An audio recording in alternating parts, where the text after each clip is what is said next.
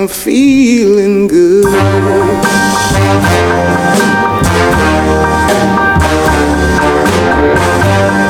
Fish in the sea, you know how I feel. River running free, you Ja, daar zijn we dan bij weer een aflevering van Bewust zijn, niet zweven, maar leven. En we, gaan het, we zijn even weg geweest. We hebben vakantie gehad en een lange cor- coronaperiode. Maar wij vonden dat het weer tijd werd voor een hele toffe podcast. Of niet, Daniel? Klopt, helemaal. Want sidekick Daniel is er weer bij. Yes, yes. En ik vind het best wel spannend, want er zitten tegenover mij drie vrouwen. En wij gaan praten over... Eh, feminisme, volgens mij. Ja, precies. Ja. Ja, juist onderwerp. Feminisme. Ja, want volgens mij zit er een hele diep gewortelde feminist in jou. Dus jij dacht, eh, daar moeten we iets eh, over... maar toch ook in jou, Daniel? In mij ook. Ja. Zeker weten. Ja, ik vond het een heel mooi onderwerp om eh, eh, ja, te gaan bespreken. En eh, ik zei net al tegen de dames, we bereiden ons eigenlijk niet heel erg goed voor, maar dat doen we bewust. Want we stappen gewoon het gesprek in met elkaar. En dat doen we op een hele chille, relaxte manier. Ehm, probeer zo ontspannen en relaxed mogelijk te zijn. En vooral op dit onderwerp, we hadden het net al over van ja, wanneer zeg je nu iets goeds en wanneer zeg je iets niet goed. Nou, deze jongen kan jullie vertellen, als ik heel ontspannen ben, zal ik vast ook af en toe dingen zeggen van ik denk, oh shit, dat moet ik niet zo zeggen. Maar dat maakt het onderwerp denk ik ook weer juist heel mooi om te bespreken met elkaar. Eh, nou ja, drie dames tegenover mij. Ik zei net al, we hebben Eline, Evelien en Celine. Drie eh, namen die nogal veel op elkaar lijken. Maar we gaan gewoon even beginnen bij Eline en en stel je even eh, kort voor. Mijn naam is eh, Eline Kouwenberg. Hey Eline. Hi. Ik ben 24 jaar jong. Ik kom uit Venlo, heb heel lang gewoond in Breda. Woon nu in de mooie stad van Rotterdam. Eh, ik ben oprichter van Bodiversity, organisatie die zich inzet voor diversiteit en inclusie. Eh, ik hoor zelf bij de queergemeenschap, misschien dat dat nog wel helpt. En ik ben trots polyamoreus. Dankjewel. Evelien, jij denkt nou ja, nou komt er een me- meid van Bodiversity en nou zit ik hier aan tafel. Ja, nou, en dan mag ik. Nou, ja. wij- wij- wij Nummer kennen- twee. Ja. Ja. Nou, ik ben dus Eveline Vesters, 29 jaar. Geboren en getogen in Breda. Oprichter van Visanita Festival. En daarnaast eh, ben ik projectmanager bij een heel tof bureau hier in Breda. En ik eh, ben een vrij uitgesproken vrouw. Dus ik denk dat ik daarom hier zit. Ja, zeker weten. Nou, en naast jou zit... Hi, Hi. ik ben Celine Clayton. Ik ben 29 jaar en ehm, ik werk in de evenementenindustrie en studeerde daarnaast sociologie sinds een half jaar. Ehm, en ja, ik ben hier omdat Tijn me heeft uitgenodigd. Ja, ik denk je moet drie dames hebben die, eh, die feministisch... Hoe, hoe zeg je dat nou? Feministisch zijn of zo? Ik zei net al iets verkeerds. Oh ja, ik zei zo'n feminist. Het ging meer over wat de betekenis en de lading die jij bij zoon misschien had. ja, oké, maar die heb ik niet, zeg maar. Dus het is Oh. drie feministische eh, meiden. Eh, en ik probeer het zo goed mogelijk te doen. Eh, eh, laten we gewoon een hele simpele vraag eh, eh, stellen. En dan begin ik gewoon even bij jou, Eline. Eh, Feminisme, wat, wat betekent dat voor jou, zeg maar? Wat, wat voor lading heeft dat? Ja, voor mij echt oprecht een hele mooie. Ehm, als ik naar feminisme kijk, dan kijk ik ook al meestal naar het intersectioneel feminisme. Wat inhoudt Ja, precies. Ja. ja, ja. ja, kom ik zo op. Ik denk dat feminisme staat uiteindelijk gewoon heel erg voor gelijkheid. Eh, dat gaat er eigenlijk voor. Feminisme komt eigenlijk van het woord fem af. En tot het fem-stuk en het feminimiteit in de mensheid. En dus niet alleen in vrouwen. Eigenlijk altijd is onderdrukt. En eh, de bevordering van feminisme, dat helpt zowel vrouwen tegen genderongelijkheid. Het helpt ook mannen tegen het opboksen dat ze altijd sterk, kostwinnaar moeten zijn. En altijd eh, in ieder geval al hun zaakjes op orde moeten hebben. En dat is natuurlijk bullshit. Eh, dus ik zie feminisme eigenlijk als een revolutie en een vrijheid van elke mens die er kan zijn. Dames, hebben we daar nog iets moois aan toe te voegen? Nou ja, Vast dat is in de essentie welkom wat het is. Er zijn heel veel verschillen tussen de genders aan zich. Maar die moeten we waarderen en eren van elkaar. Maar we staan uiteindelijk wel gelijk. Dat is wat het voor mij is. Ja, ik merk dat ik in mezelf het heel moeilijk vind om een podcast over feminisme op te nemen. Omdat ik heel veel stemmen in mijn hoofd hoor van ehm, mannen die het woord feminisme horen en daarin meteen ehm, ja, objecties hebben. En ik vind het daarom ook vanuit mezelf fijn om te benoemen dat inderdaad wat jij net zei, Eline, dat feminisme gaat niet alleen om de, de rechten van vrouwen, maar ook vooral over gelijkheid en ook over eh, dat mannen ook ehm, eh, ja, dat stukje mannelijkheid en man zijn, eh, dat daar, daar ook heel veel begrip voor Ja. moet zijn. En, dus ik denk dat het aan beide kanten speelt en dat dat heel belangrijk is. Ik heb altijd de Jip en Janneke uitleg van feminisme is uiteindelijk dat het gaat om het ontdekken van het talent in de mens. Eh, en als we ervoor zorgen dat het talent van ieder mens zo goed mogelijk ontdekt kan worden, is het ook goed dat femininiteit wat beter in onze samenleving wordt geaccepteerd. En als je het hebt over talent, dat wil natuurlijk iedereen ontdekken. Dus dan wordt iedereen al vaak al wat sneller warmer voor feminisme. Ja. En waarom denk je, eh Celine, dat die weerstand er dan is bij mannen? Of wat voor weerstand verwacht je dan dat er is? Nou, het begint eigenlijk al bij het woord feminisme. Inderdaad, het is natuurlijk, heeft een vrouwelijke connotatie. En dat, dat aan zich brengt al veel eh, weerstand met zich mee. Eh, merk ik vaak. Ik heb vaak gesprekken daarover, ook met mannen. En probeer daar dan ook heel doelbewust heel erg neutraal in te zijn. Ehm, maar dat gesprek begint dan al bij het woord feminisme. En dat vind ik soms heel moeilijk. Dat ik denk, kunnen we dan verder kijken dan alleen dat woord. En veel meer kijken naar wat het kan betekenen voor zowel de man als voor de vrouw. In plaats van alleen voor wat het betekent voor de vrouw. En is het eh, nodig in deze samenleving om eh, jezelf te laten horen als feminist? Ehm, ja, ik denk het wel. Ik bedoel, we zijn nog niet op het punt waar we kunnen zeggen dat. Ik bedoel, er, zijn, er, er is zoveel onderzoek, er zijn zoveel eh, statistieken die zeggen dat vrouwen het op zoveel manieren nog steeds niet eh, de gelijke kansen krijgen die ze zouden moeten krijgen. En niet dezelfde kansen krijgen als mannen. Dus daarin is het nog steeds ja, nodig. En ervaren jullie dat ook zo in het dagelijks leven? Dat je het idee hebt van, oh, ik moet mezelf af en toe eh, harder bewijzen. Of ik moet harder lopen. Of ik moet mezelf meer laten zien. Nou, dat wilde ik er eigenlijk wel op reageren. Ook naast onderzoek. Ik denk dat wij dat alle drie wel ervaren. Ook gewoon al aan zich in het dagelijks leven. Dat je daar tegenaan loopt. Ja. Ja, ja, we hadden het net over imposter syndrome. Dat is dan een en zelfs een salarisverhoging vragen, dat soort dingen. Dat zijn allemaal dingen waar we Kun je, kun je allemaal... dat ui- uitleggen even? Want het is een moeilijk woord. Misschien voor, voor mij sowieso. Maar het imposter syndrome, wat, wat houdt dat in? Eh, dat is eigenlijk dat vrouwen die, hoger opgeleide vrouwen die in, in een hoge positie zitten, die hoge functies hebben, dus die het eigenlijk eh, in hun carrière heel goed doen, eh, constant het gevoel hebben dat ze het faken. Dus dat ze niet het gevoel hebben dat ze eh, daar mogen zitten. En dat is het imposter syndrome komt ook waarschijnlijk voor bij mannen. Daar weet ik dan minder over. Ehm, maar dat is wel een, een syndroom dan wat eh, vaker bij vrouwen voorkomt. Eh, En, en, en wat, wat faken ze dan, zeg maar? ze faken niks, maar ze hebben het gevoel dat ze daar zitten zonder zo van, waar, wat doe ik hier eigenlijk? Want eh, kan ik dit wel? Terwijl ze het supergoed kunnen. En Ze zijn eh, eh, hartstikke... ehm, Ik denk altijd, ze trappen erin. ja, ja, precies. Ja. Oh, ze, ze geloven dat ik intelligent ben? Ja, Echt? precies. Ze denken dat ik dit kan? Oh, Ja, het is wel heel erg grappig, want ik heb het dus juist andersom. Eh, ik heb het imposter syndroom als vrouw eigenlijk totaal niet. Maar soms voel ik altijd een beetje stress door het feit dat ik te zelfverzekerd ben als vrouw. En dan zie ik heel veel andere vrouwen die wel heel veel onzekerheden hebben. En dan denk ik, my god, moet ik die onzekerheden niet ook gewoon allemaal hebben? Dus het kan misschien Wel- ook nog wel de Wel andere kant. lekker dat je aan die kant zit van het spectrum. Ben je? Nee, dat liever niet. Nee, en, en waar komen die onzekerheden vandaan? Want ik denk dan als man van ja, maar wij mannen hebben ook onzekerheden, zeg maar. Maar wat zijn dan specifieke onzekerheden waarvan jij denkt van dat is echt wel eh, ja, iets wat bij de vrouw heel sterk aanwezig is? Vind ik een moeilijke vraag. Nou, ik kan op zich wel... Ik, ben blij dat ik met drie vrouwen zit, dus ik kan altijd wel eentje gewoon antwoord geven. Ja, ik merk wel echt vaak aan mezelf. Ik ben vrij uitgesproken en ik heb het hart op de tong. En dat wordt heel snel ingevuld als iets mannelijks.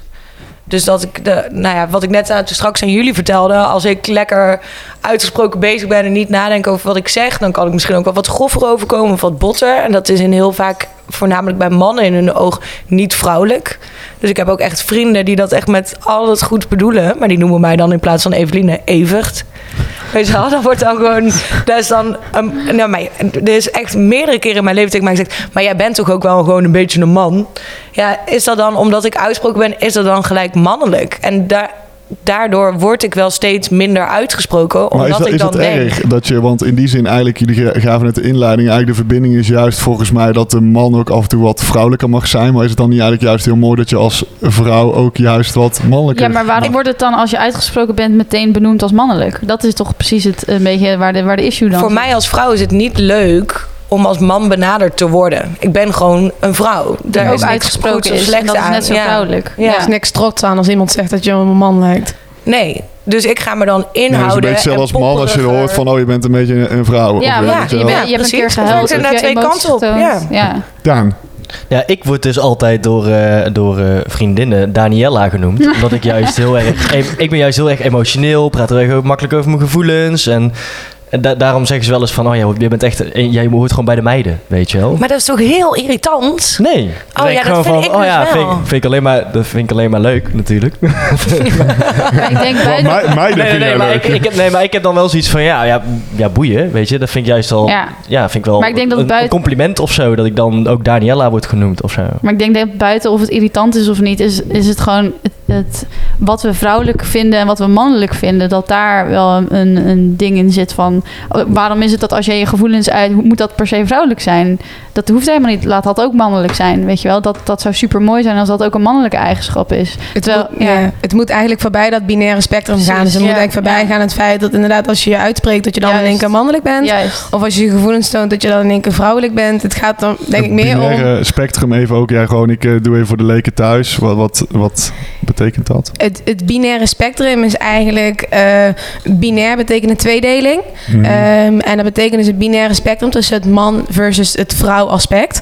In plaats van dat we eigenlijk kijken, in plaats van dat het dus een, een alleen maar lineair is, is het eigenlijk veel complexer dan dat. Het is een soort van cirkel waar we eigenlijk met z'n allen heen tussendoor en uit en binnen en buiten bewegen.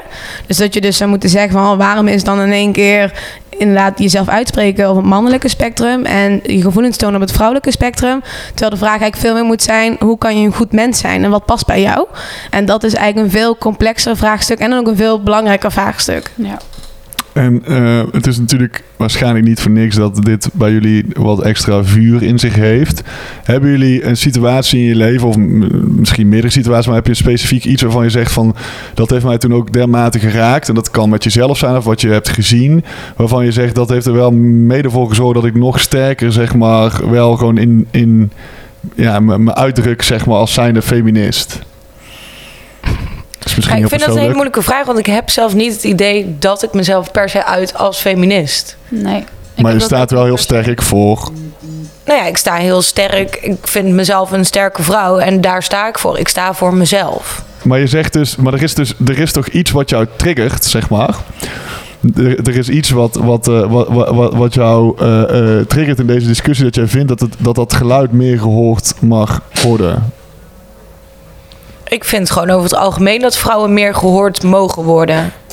Ik heb wel een specifiek misschien Ja, vertel. Voorbeeld. Nou, niet één ding, maar ik, eh, wat ik op een gegeven moment een beetje achterkwam. eh, wat ik heel schrijnend vond, was dat als je in een ehm, groep bent met st- tien vrouwen. ehm, en je eh, hebt leuke gesprekken. Op een gegeven moment heb je een gesprek over, dit heb ik dan ook zelf meegemaakt. Over ehm, heeft iemand ooit wel eens een nare seksuele ervaring gehad? Mhm. En dat eigenlijk, ja, in mijn ervaring, eigenlijk altijd 100% van die vrouwen zegt ja. En dat, en dat is altijd met niet een, er is een man uit de bosjes gesprongen eh, en het is een onbekende die me verkracht heeft. Nee, het is altijd met ehm, mannen die je kent. Met een Mhm. vriend, met iemand die je vertrouwt. Dat is ja, in, in, ja, hoe ik het heb gehoord eigenlijk bijna altijd het geval. En dat is voor mij heel erg ook een trigger geweest. Dat ik dacht, er zijn... da- daarna kijk, lees natuurlijk veel artikelen en veel onderzoek. En dan wordt het steeds duidelijker dat er nog zo'n grote gap is... tussen wat, ehm, ja, wat vrouw is en wat man is. En wat, hoe dat een uiting heeft in de samenleving... op zulke kleine en op zulke grote eh, niveaus. Dus dat- voor mij was dat wel een beetje een ding waarbij ik dacht... ja, een trigger om als... Ja. En is het als, en E- Eline, heb jij iets waarvan je zegt van dat is voor mij wel echt waar ik op aan ga, zeg maar?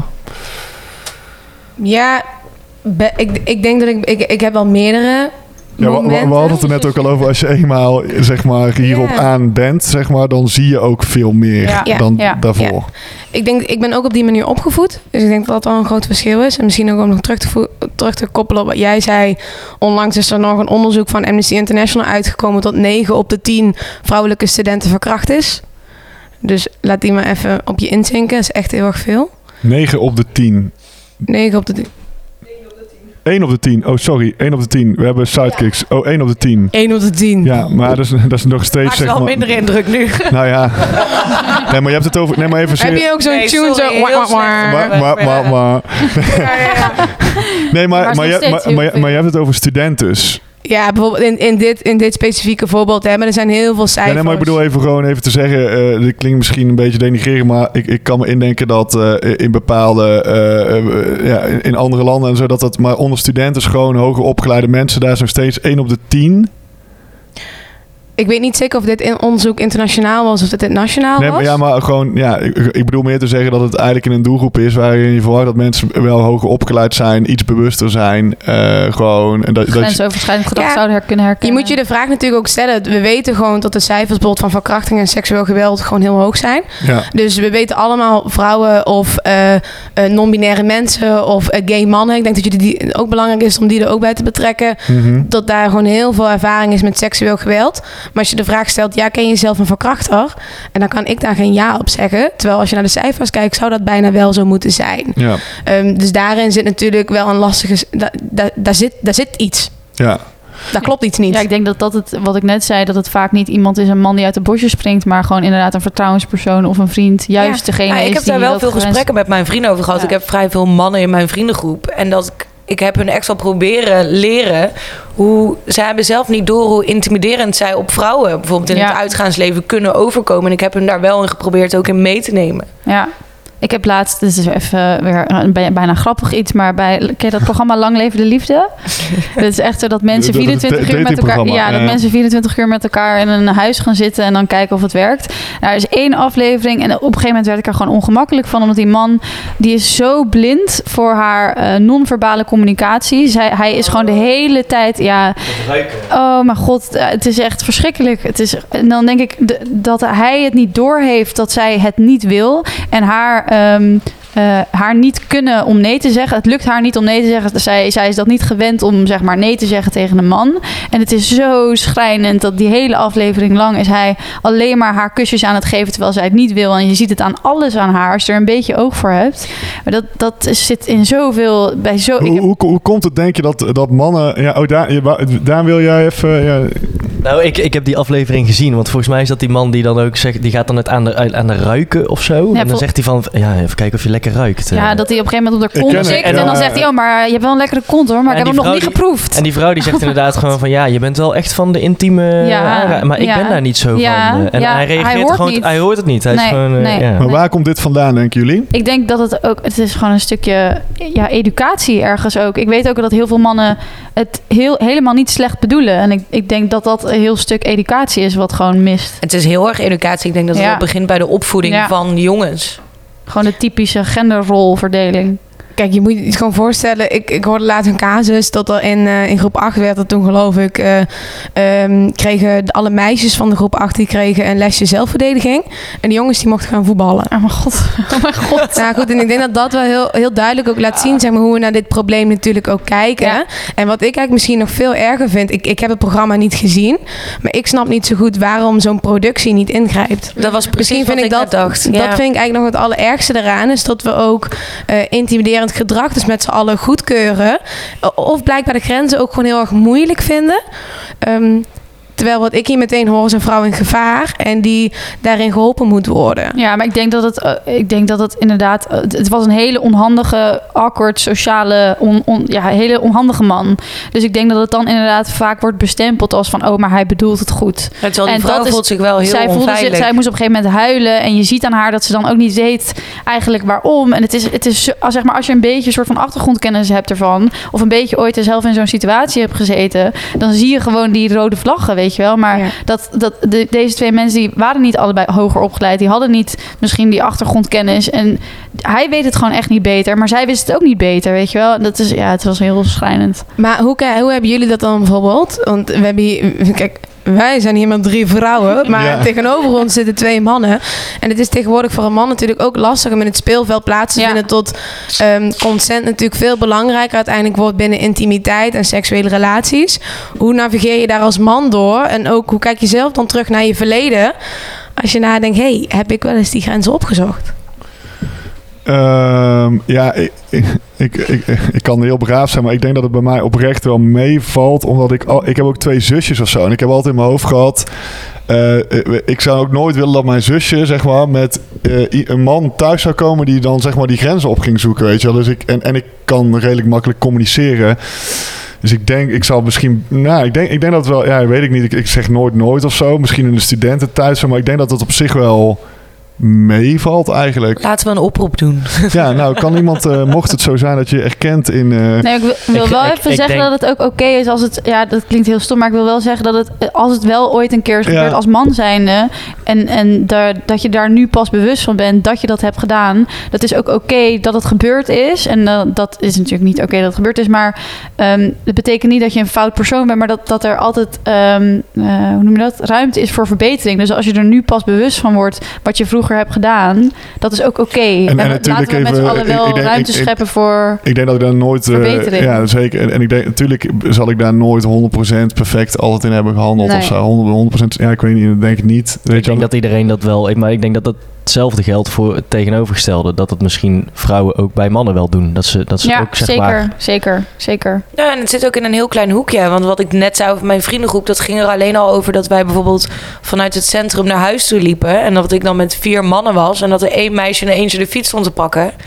En dan vonden ze haar knap, maar dan gingen ze naar haar roepen. En waar ga je Ja. heen? Wil je met ons mee? Zij vonden dat zelf denk dat het- versieren. Ik, ja, maar ik zij denk, snappen zelf niet hoe intimiderend dat is, want het meisje is alleen. Ik denk Ja. dat is ook denk ik het grote verschil is dat zeg maar als man voel je je niet snel geïntimideerd door, door, een, Ja. door een vrouw. Maar Ja. ik denk dat het heel intimiderend kan overkomen dat voor een vrouw, als, als inderdaad eh, twee mannen, al is maar één man, gaat roepen van hé, hey, eh, wat zie je er mooi uit. En dat kan denk ik al meteen intimiderend overkomen. Nou, Ja, dan maak ik wel weer de binaire, het binaire verschil van man-vrouw. Alleen ik voel me niet echt in- geïntimideerd of zo. Nou, even het contrast dat ik laatst aan een jongen heb gevraagd: heb je ooit een nare seksuele ervaring gehad? En ehm, niet om het onder te doen, dat mannen kunnen dat 100% natuurlijk ook ervaren. Maar zijn antwoord was: ehm, ja, ik heb een nare seksuele ervaring gehad, want het meisje had een beetje een, een ruwe huid en ik vond dat niet zo fijn. Ja, precies. Weet je wel, zeg maar het verschil wat het antwoord dat wat ik van heeft, een er jongen ook, heeft krijg. er ook therapie voor gehad? Nee, maar nee, maar hallo, dit mag hij natuurlijk gewoon vinden. Ja, Maar ik bedoel, mag. het verschil in het antwoorden wat ik krijg van een man versus de antwoorden die ik krijg van een vrouw zijn zo groot. Ja. Weet je wel, dat is niet normaal. Maar om ook even terug, ik, ik, ik deed, ik denk dat ik dat vroeger wel echt wel deed. Gewoon een beetje stoer doen. En dat je Ja. dan, eh, hè, dat, eh, ik heb wel meerdere dingen gedaan waar ik niet trots op ben vroeger. Alleen, ik was laatst in, eh, in IJsland met een eh, vriendengroep. Wat is het? Nou ja, ik zit ook te denken, ik ben ook af en toe gewoon ook al heel uitgesproken. Dus ik ben heel eerlijk. Dus ik kan ook bijvoorbeeld, ik heb wel ook wel eens bijvoorbeeld een avond met een vrouw gehad of zo. Dat, het- dat, het, dat het overduidelijk een soort van, gaan we nog wat doen of niet? Maar dat ik dan gewoon zei van, ja, ga, ga, ga weet je wel dat. maar dan, ja, maar ja, misschien niet zo, ja, nou ja, bijna Ja, maar wel. dan zo- is het gewoon misschien meer ook een dialoog of zo. Ja, dat weet ik. En dan is dan niet dat je dan uiteindelijk er het, het toe dwingt of zo. Want heel simpel, wil je niet, dan, weet je wel, die ruimte is. Maar dat ik, dat ik dan wel ook daar heel eerlijk over kan zijn of Ja. zo. Weet je wel, van eh, gaat er nog iets gebeuren of zo? Of is Ja. dat niet het verhaal? En als zo'n meisje dan zei, ja, ik wil eigenlijk nog een paar keer met jou eh, eh, uit eten en je beter leren kennen. En ik had gewoon, voelde in- aan mijn primitief, primitief man zijn ook, ik zie nou drie vrouwen heel erg... Ja, eh, nou, eh, dat ik dacht van ja, maar die behoefte heb ik dus helemaal niet. Dan sprak ik dat dus wel gewoon heel eerlijk uit. En dan dacht ik achteraf ook wel eens van oké, Taan, dit is super bot. Weet je wel? Ja. En aan de andere kant dacht ik ja, ik vind het persoonlijk nog veel botter om met haar drie keer te gaan eten. En haar het gevoel te geven dat ik haar speciaal vind of leuker vind dan. En dan haar mee eh, het bed in te krijgen of zo. Weet je wel, heel dat spel. Daar heb ik niet zoveel mee, zeg maar. Dus het is of gewoon fijn en een klik en het is tof en het is mooi, weet je wel. En eh, eh, of dat is er niet of Ja, zo. maar ik denk dat dat andersom ook heel veel gebeurt. Dus dat, dat is iets. Ik, ik denk dat het soort Ja. van het niet hebben van het dialoog, inderdaad, wat jij zei, Daniel. Dat is, dat is het. Ja, want je was aan het vertellen. Jij denkt Ja. vroeger dat... eh, ja, dat gaat weer dan weer Nou, kom terug jij op je gaat weer terug naar het... Nou, nee, ik was dus met vrienden in IJsland eh, drie weken geleden. En toen was ik met, met, met, een vriend. En wij gingen met z'n tweeën... we- Je hebt, in IJsland heb je van die deelstepjes. Dus wij gingen met z'n tweeën op zijn step naar het centrum toe. En ik stond met hem bij het stoplicht. En we zagen een knappe dame. En die vriend van mij, die begint zo... Hey. En toen dacht ik echt, wat wat de fuck, wat de fuck gebeurt hier? Dus ik werd gewoon instant boos op hem, weet je. Ik Ja. zei, yo, wat de fuck ben jij aan het doen, man? En toen ja, dat is een grapje, dit en dat. Ik zei, ja, voor jou is het een grapje. Ja. Ik kan er misschien ook om lachen, maar zij vindt dit, dit weet je, dit Kut. komt fucking intimiderend over, Ja. weet je wel. Maar maar dat begreep hij gewoon niet. Maar Want gewoon voor hem was het, het zit hem ook in hele kleine subtiele dingen. En dat is, dat is wel grappig. Daar heb ik af en toe ook bij mannen van... eh, ehm, als ik zeg maar een vrouw leuk vind, ik ga aan tafel, dan denk ik na twee minuten, eh, oh, ik moet even een microfoontje, Daantje kan wel even. Dan denk je, heb je al vrij snel door, oh, dit is wederzijds of niet. Maar ik, heb, ik hoor dus ook best wel vaak verhalen van vriendinnen of zo, die dan bijvoorbeeld bij de sportschool of zo, en dan een jongen die dan elke keer eh, komt trainen als zij aan het trainen is, naar de auto loopt of zijn, weet je, allemaal dat soort dingen. Terwijl je eigenlijk dan gewoon zegt, yo, ik heb een vriend, ik vind het niet fijn. En dan toch een soort van blijven proberen, weet je wel. Dat soort dingen denk ik dan af en toe ook van. En dan wat jij zegt, jij zei het net heel mooi, dat er zit, het zit ook een beetje in de vrouw om zich eigenlijk nederig op te stellen of zo daarin. Dus om niet gewoon te zeggen van, yo, dude, eh wat de fuck ben je nou aan het doen? Wat moet ik doen? Ja, ik denk dat dat, we als, dat, dat dat is het verschil met wat mannen en wat vrouwen leren als ze, als ze jong zijn.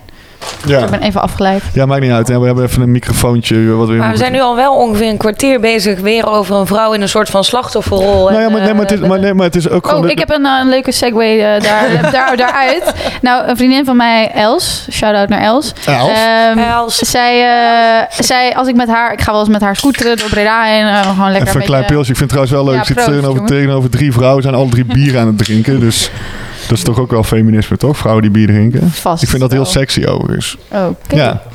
ja, ja, maar Dankjewel Tijn voor de uitnodiging. vrouwen die bier drinken vind ik gewoon... Zullen Hoor dat je weet waar je het over hebt. Zullen we nu wijn gaan drinken uit protest? Nee, jongens? eh, dat nou, dat vind ik niet meer... Maar Nee, ik ga grapje. verder. Els, Segway. Eh, nee, nou ja, ik heb dus een vriendinnetje van mij, Els. En wij doen wel scooteren door Breda heen. Gewoon voor de lol. Even lekker een beetje gek doen. En dan, ehm, ja, wat zij dus dan doet, is dat ze- als ze dan een man ziet die ze knap vindt, dan gaat ze er dus gewoon naar catcallen. En mijn vraag is dus nu echt recht- oprecht een open vraag, want het is altijd heel grappig. Maar Eh, die- is even het ook dus wat Daniel net zei. Ja, letterlijk ja. gewoon, zo, het ziet er goed uit. Nou, niet dat. Ik, wat doet ze? Ik zit even te denken. Ja, gewoon een beetje zo, ja, een beetje naar hem toeteren en dan gewoon even, even zwaaien, zeg maar. Dat doet ze oprecht. Ja, ik vind het heel leuk en grappig. En die mannen, we doen het ook nooit op, natuurlijk op een intimiderende manier, denk ik dan. Maar mijn open vraag is nu, is dat dan, wat, is, wat vind je daar dan van? Ja. Ik heb toch... eh, het Nee, ik vind het heel leuk. Alleen, eh, ja, wat vind jij ervan? eh? Ja, ik ben benieuwd naar Eline. Ik ook. Ja, het klinkt, bij, het klinkt bijna als een beetje als promotie. Maar een van de dingen die Bo doet... is dat wij ook een straatintimidatie meldpunt hebben hier in Breda. Eh www.intimideermijniet.nl Ehm, En dat doen we in samenwerking met de gemeente. En daar komen... Dus dit soort meldingen komen daar ook op in. En dit is denk ik ook heel belangrijk voor jullie al, allemaal. Maar ook voor mensen zeg maar thuis. Of onderweg. Of op een feestje. I don't know. Ehm, om te weten dat als je de straatintimidatie hebt ervaren... maar ook als je dus omstanders ziet... dat het heel belangrijk is om te melden. Dus dat is eigenlijk stap 1. En daar kan ik dadelijk nog wel wat meer over vertellen. Maar intimidatie... Ik denk dat het goed is om te begrijpen is als je kijkt naar bijvoorbeeld de eh, straatintimidatie vindt vaak plaats dus op straat, dus in de openbare ruimte. En het is goed om te begrijpen van wie de openbare ruimte precies is.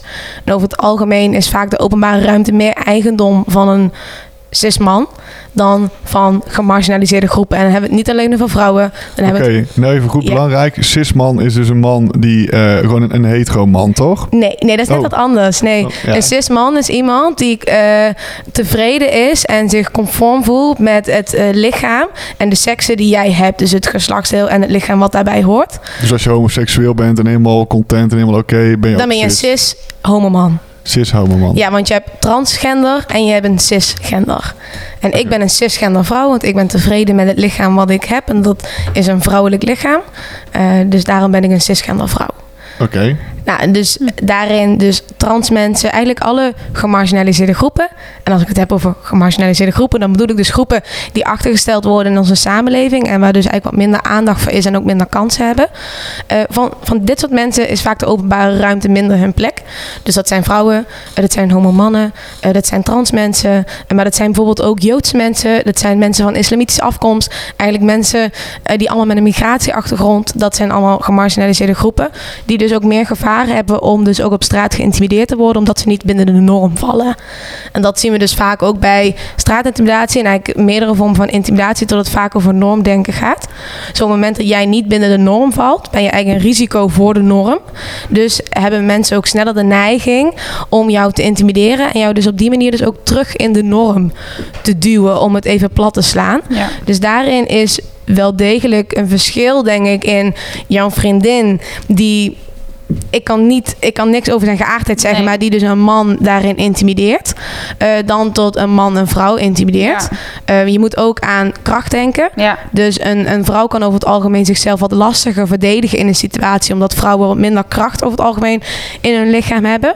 Ehm, dus dat, dat zijn allemaal componenten die te ma- mee te maken hebben. Maar het zeker niet uitsluiten dat het net zo intimiderend ja, ik is. wilde net zeggen, wat vind jij er persoonlijk van? Maar, maar is, het, is het dan even, want dat vind ik wel mooi, want als je dan hebt even over een, een cis persoon kun je ook zeggen, toch? Ja. Gewoon dus, Dat is prima. eh, stel dat ik als eh, eh, man helemaal dus content ben met wie ik ben en ik kom een vrouw tegen die dat ook helemaal, weet je wel, we zijn daarin gelijkwaardig. Twee sussen. Twee sissen. Ja, dat, mag- dat, mag, dat kon je niet zeggen, hè? Ja, ik zei het dus... meervoud van sis is sissen, maar dat kun je dus niet zo gebruiken.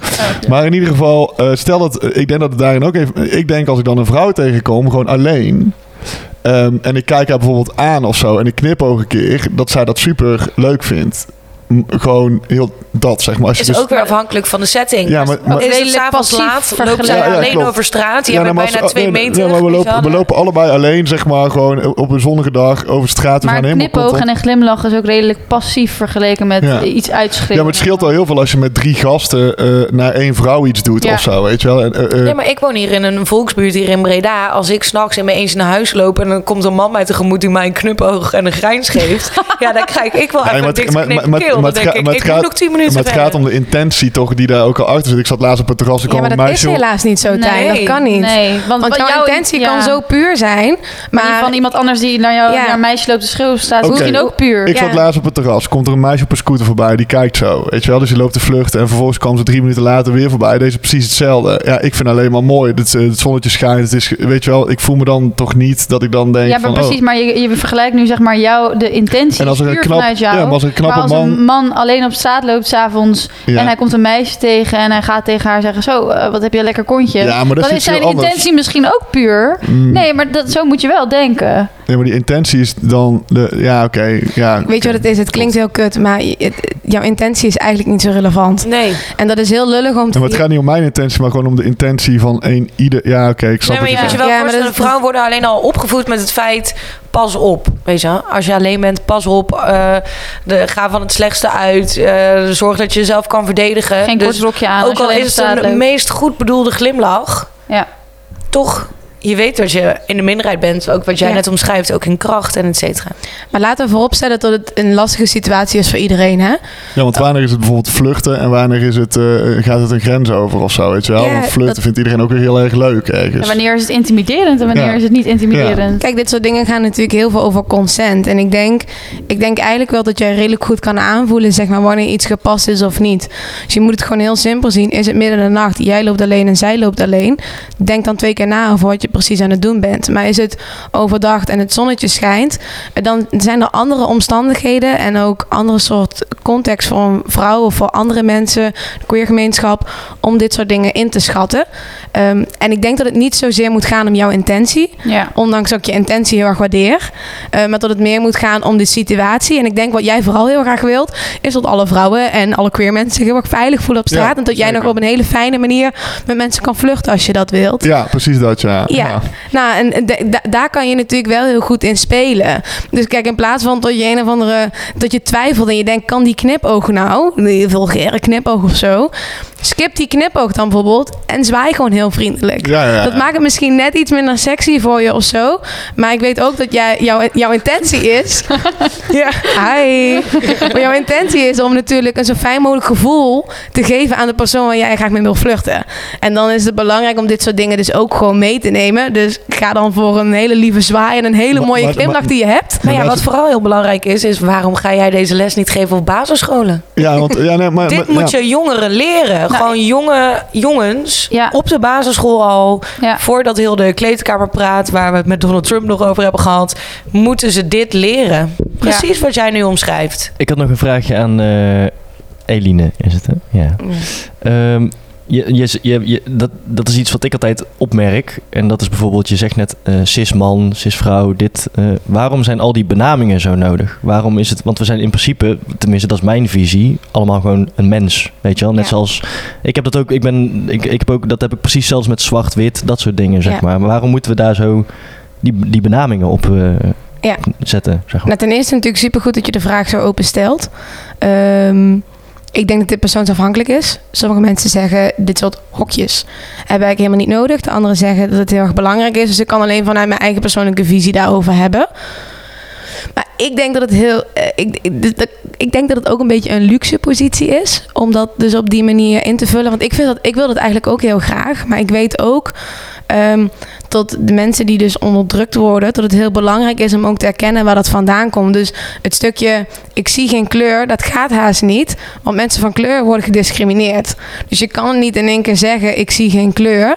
En ik denk dat je juist meer respect betuigt, want ik denk dat dat is wat je wil. Je wilt iedereen op zijn best mogelijke manier erkennen in zijn waarde. En ik denk dat je dat het beste doet door ook juist te erkennen wat iemand is. Iemand is bruin of iemand is zwart. En dat is een onderdeel van die persoon. Of iemand is queer. Hou je het dan niet in stand, juist? Of denk je dat je dan juist eerst dat- dat we dan in de fase zitten benoemen en dat je daarna pas naar de fase gaat Ja. met. Dit is een hele goede vraag. Dat is een hele goede vraag. Eh, misschien om een goed voorbeeld te noemen is als je bijvoorbeeld kijkt naar non-binaire mensen. Eh, dat is een, eh, voor, voor velen is dat een redelijk nieuwe term. En we zien dat we heel vaak. Kijk, misschien ken je het wel eens dat je soms een gevoel of een emotie in je onderbuik hebt en dat je hem niet zo goed kan plaatsen. Maar op het moment dat je er in één keer woorden aan vuil maakt, dat het iemand en zegt van is dit het niet? En dat je in één keer denkt, dat is het.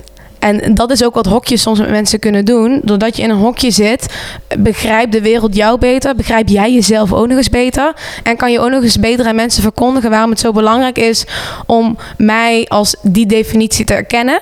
En het is soms, dit is heel ambitieus en het is heel leuk dat mensen zeggen, we moeten voorbij die hokjes. Ik denk dat dat misschien net iets te snel gaat. Ik denk uiteindelijk dat we daar wel heen gaan. Dus in plaats van dat we zeggen, jij bent homo, trans, dit, dit en dit, zie je nu ook de opkomst van het, eh, het, de definitie queer.